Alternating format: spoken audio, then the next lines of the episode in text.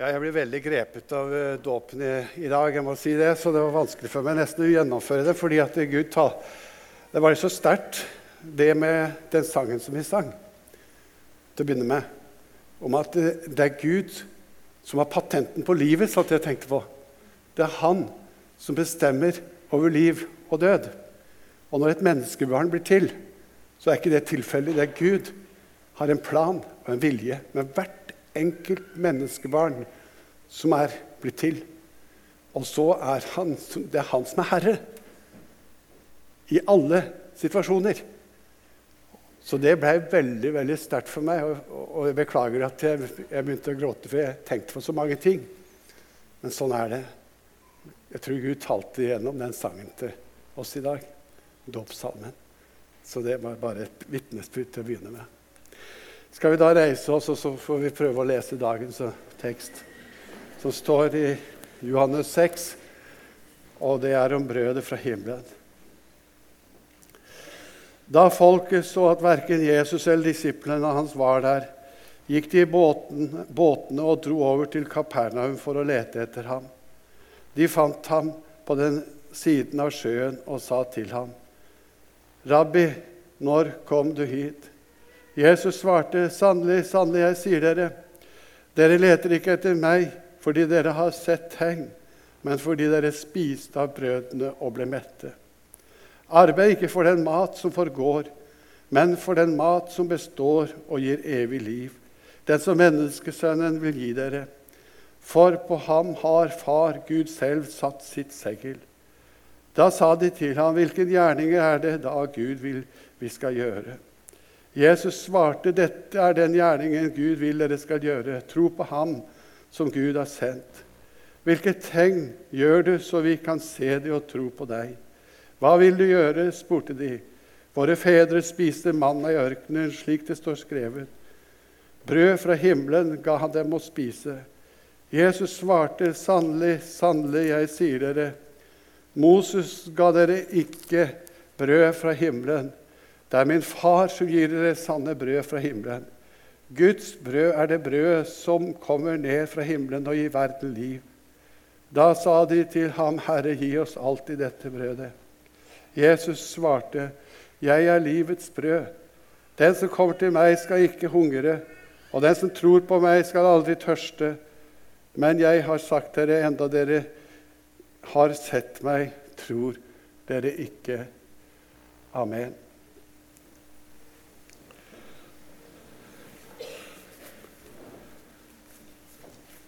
Det er fjerde søndag i fastetiden, og teksten i dag handler om brød. Men alle forstår jo at det er et annet slags brød, en annen betydning av dette brødet enn det som vi til vanligvis omtaler når jeg snakker om brød. Og Bakgrunnen for denne teksten er brødunderet som vi ser i begynnelsen av dette kapitlet. Da var det fem brød og to fisker, som tolv disipler skulle dele ut, og så mette 5000 stykker. Jeg tenker litt på dette. Det er eh, en eh, like stor som generalforsamlingen i Misjonssambandet omtrent. Og jeg er sikker på at eh, kjøkkenkomiteen på generalforsamlingen ville bli noe stresset hvis de hadde bare fem halvstore brød og to fisker og skulle mate 5000 mennesker. Og jeg tror ikke det hadde vært så stor frimodighet heller hos de tolv hjelperne som fikk litt under et halvt brød hver, og så skulle de gå. Dette er en undervisning på mange måter om hvordan det er å arbeide i Guds rike. Hvordan det er å være en som er brødutdeler i tjeneste for Jesus. Mange ganger så føler vi at det vi skal dele, det er så lite. Vi har så lite å fare med.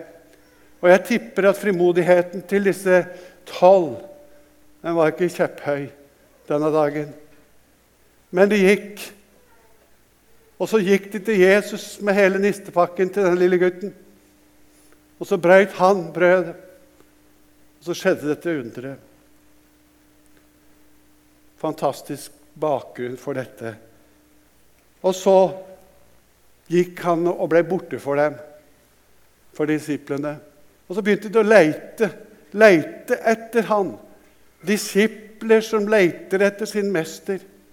Det kunne jo egentlig ha vært et preketema, og det hadde vært litt moderne preketema, egentlig.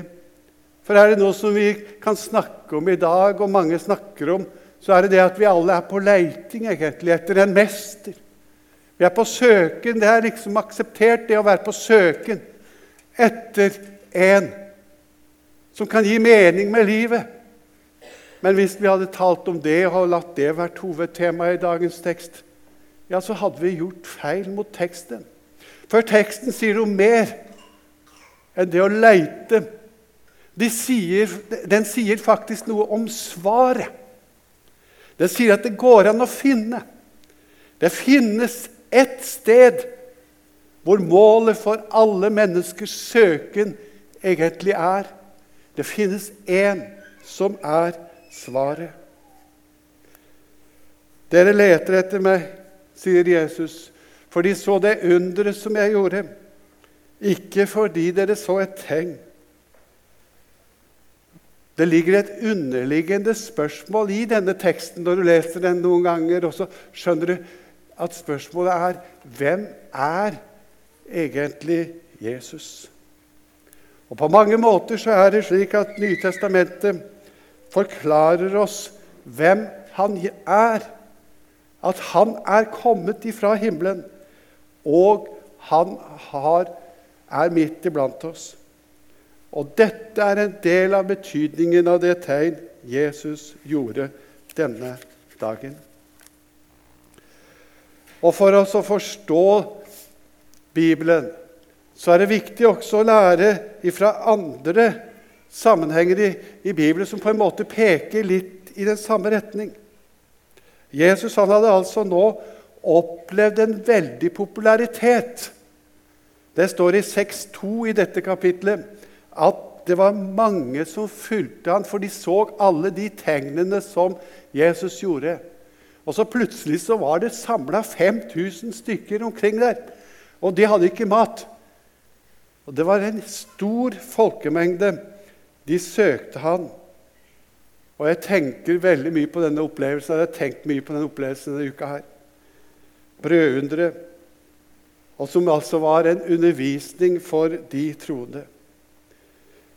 Det er altså slik at oppgaven på mange måter er ofte altfor stor. Og det er også slik for oss når vi går og skal dele Bibelens ord og fortelle til mennesker at her finnes det altså et sted hvor du kan få hvile for din sjel. Et sted som du kan finne det evige liv.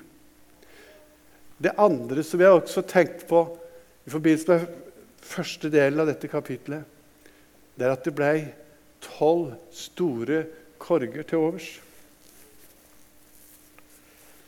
Det er noe som de erfarte. Men mange brødutdelere, mange disipler, har erfart akkurat det samme. De følte de hadde så lite å gå med. Og så gikk de forkynte Guds ord, vitnet om Jesus, bar fram ordet. Og så fikk de selv så mye igjen.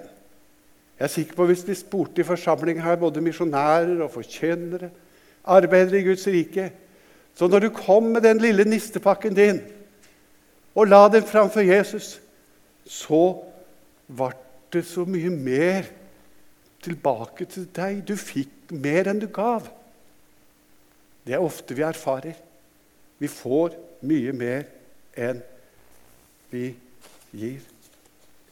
Derfor så er det ikke noe småtteri du er med på, du som får være med på brødutdeling sammen med Jesus. Og Når vi ser dette, så er det liksom en slags rar logikk eller en rar tanke. Dette at at Gud velsigner. Når vi kommer rikere tilbake Det er akkurat som Guds regnemåte er mye annerledes enn vår regnemåte. Det er akkurat som det som går igjennom Guds hender. Det skjer noe med det du gir til Gud. Vi ser det flere steder i Bibelen at Guds regnemåte er ikke på samme måten som vår regnemåte. Hvis du ser på enkens skjerv, f.eks. Hun ga lite, nesten ingenting. Men Jesus sa at hun ga mer enn dere alle. Hun ga alt hun hadde.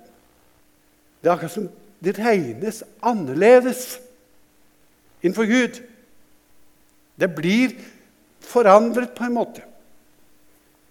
Og På samme vis er det også når en skal gjøre verdens største oppdrag. Da skulle en tro at Gud hadde valgt seg ut de som virkelig var, var noe. De som var flinke på alle slags vis. Og det er mange som var flinke som Gud har utvalgt seg, men det står at han utvalgte seg det som ingenting er, for å gjøre hans gjerning. Det er helt uforståelig at Gud tenker og gjør og handler slik. Det er helt imot det som, er, det som skulle ha vært vår måte å tenke på. Og nå hørte vi før jeg henviste denne, dette underet Jeg er helt sikker på at hvis det var noen av våre unge som har fått vært med på det brødunderet der, så hadde jeg sagt nå har jeg opplevd noe helt sinnssykt. si. Helt sinnssykt, det er det som er sånne uttrykk nå for tida. Jeg skjønner ikke hva det Ja, Det er helt sinnssykt å se hva som skjer når Gud får ordne med ting. Det er uforståelig, dette med Herrens velsignelse. Det er et regnestykke som går utover alle andre slags måter å regne på, som er større enn det som kan telles. Derfor, i Guds rike, så må en regne med det som ikke kan telles hvis den skal regne rett. Arbeid for den mat som, som består, ikke den som forgår. Moses ga dere brød fra himmelen, sto det. Det er Far i himmelen som gir dere brød som han kom med. Her vil Jesus lære oss noe viktig. Det betyr at vi trenger mer enn det daglige brød. Det er noe som er viktigere enn det du ser her og nå. Det er noe som går lengre, og det er det brød jeg vil gi dere. Det er livets brød. Gud har prøvd å undervise oss, menneskeheten, gjennom historien. Og en annen tekst som er lesetekst i dag, så ser vi litt av hva Gud har gjort for å lære oss nettopp dette som vi har som læringspunkt i dag. Og Vi skal lese den lille teksten fra 5. Mosebok 8, 2-3. Du skal huske den lange veien som Herren din Gud førte deg disse 40 år i ørkenen fordi han ville ydmyke deg og prøve deg og få vite hva som bodde i ditt hjerte, om du ville holde hans bud eller ikke. Han ydmyket deg. Han lot deg sulte, og han lot deg spise manna, en mat som verken du eller dine fedre kjente til. Slik ville han la deg forstå at mennesket ikke lever bare av brød, men av hvert ord som kommer ut av Herrens munn. Gud vil lære, og ville lære Israels folk igjennom den trengsel og de vanskene som de var i. Han hadde opp, en hensikt med det, og det var at de skulle lære at de trengte noe mer enn bare det som var her og nå. De trengte hvert ord som uh, går ut av Herrens munn. Det finnes altså et brød som dekker den hunger som har vært i menneskehjertet helt siden syndefallets dag. Og det brødet er midt iblant dere, sier Jesus. Det er jeg, det er Han, som er det brød som kan gi liv, ikke bare for noen år, men et evig liv. Fordi Han er fra evighet og til evighet. Han er Gud. Han er Guds sønn. Han er midt iblant dere, og den som spiser det brød, sier han, han vil leve alltid. Så er det en liten ordveksling der.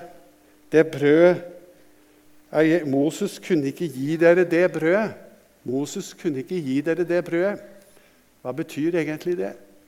Moses, kunne, Moses representerer loven, kravene. Den loven ikke kunne gi, det kravet ikke kunne opp, liksom, hjelpe oss til, det gjorde Jesus, gjorde Gud gjennom Jesus. Så Rombrevet 8 står det slik, så er det ingen fordømmelse. står det. For dem som er i Kristus Jesus, for Åndens lov, som gir liv, har Kristus Jesus gjort deg fri fra syndens og dødens lov. Det som var umulig for loven Her kunne vi kanskje si det som var umulig for Moses. Siden den sto maktesløs på grunn av vår syndige natur. Det gjorde Gud. Han sendte sin egen sønn som syndoffer i samme slags kjøtt og blod som syndige mennesker har, og holdt dom over synden i oss. Slik ble lovens krav oppfylt i oss som ikke lever slik kjøttet vil, men slik ånden vil. På denne måten og ved denne handlingen, som dette avsnittet sier, så ble Jesus livets brød for deg og for meg. Og hva skal, vil du vi skal gjøre, sier de folket rundt ham til Jesus denne dagen. Tro, tro på Han som Gud har, vår Far, har sendt. Tro på meg. Da spiser dere av dette brød, og da får dere evig liv. Det er det teksten egentlig handler om.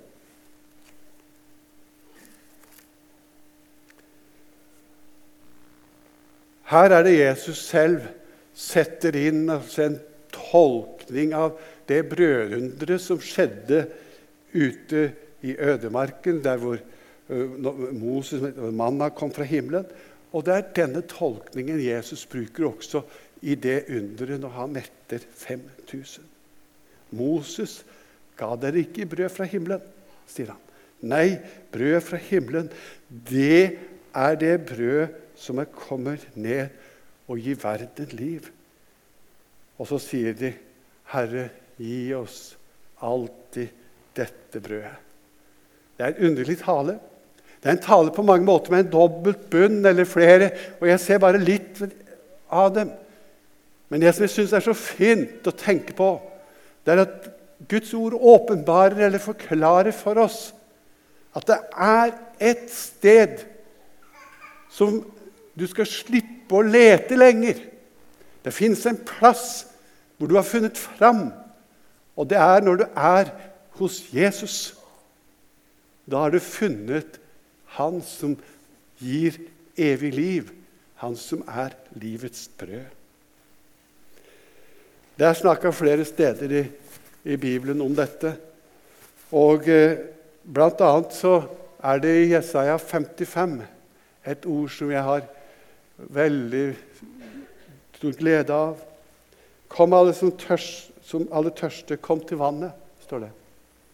Det er uten, uten penger. Den som ikke har noe å betale med, kom, kjøp korn og spis. Kom, kjøp korn uten penger, vin og melk uten betaling. Hvorfor bruker dere penger på det som ikke er brød, og arbeid på det som ikke metter. Og nå ser du Hør nå på meg, så skal dere spise det som godt er, og fryde dere over fete retter. Vend øret hit og kom til meg. Hør, så skal dere leve. Jeg vil slutte en evig pakt med dere. Min godhet mot David står fast. Hør, så skal deres sjel leve. Vi lever av hvert ord som går ut av Guds munn. Selve evangeliet er altså livets ord som skaper tro. Og forkynnes inn, det forkynnes inn i våre hjerter, og troen blir født. Det er en kraftig frelse for hver den som tror. Og så sto det noe om at sånn, sånn det, Den som menneskesønnen vil gi dere, for på ham har far satt sitt seggel. Hva betyr nå det? Far har satt sitt seggel på han som her står frem og sier at han er livets brød. Jo, det er Faderens, eller fars, bekreftelse på at dette er min sønn, den elskede, i hvem jeg har velbehag. Vi så det når Jesus ble døpt. Vi så det på Forklarelsens berg. Vi har sett det flere steder i Bibelen hvor det kom en røst fra himmelen og sier, 'Dette er min sønn, den elskede. Hør han.' Det er som han vil sette sitt stempel, sitt segl, på han og si, 'Her er han som menneskeslekten behøver. Det her er han som er redningsmannen. Her er sentrum for vår tro Jesus Kristus. Det er Ordet som ble menneske og tok bolig iblant dere. Det er Han som er livets brød. Vi nærmer oss påske nå. Der hvor vi skal minnes at Jesus dør på korset for våre synder. Han er vår frelser. Han er livets brød, brød som gir evig liv. Og så skal vi feire nattvær etterpå også. Og da feirer vi nettopp det. At vi spiser brød, drikker blodet. Og vi lærer at vi skal få del i Hans legeme gjennom det som vi der feirer. La oss be. Vi takker deg, himmelske Far, fordi at du er vår frelser. At du er livets brød. At gjennom deg så har vi det evige liv. Amen.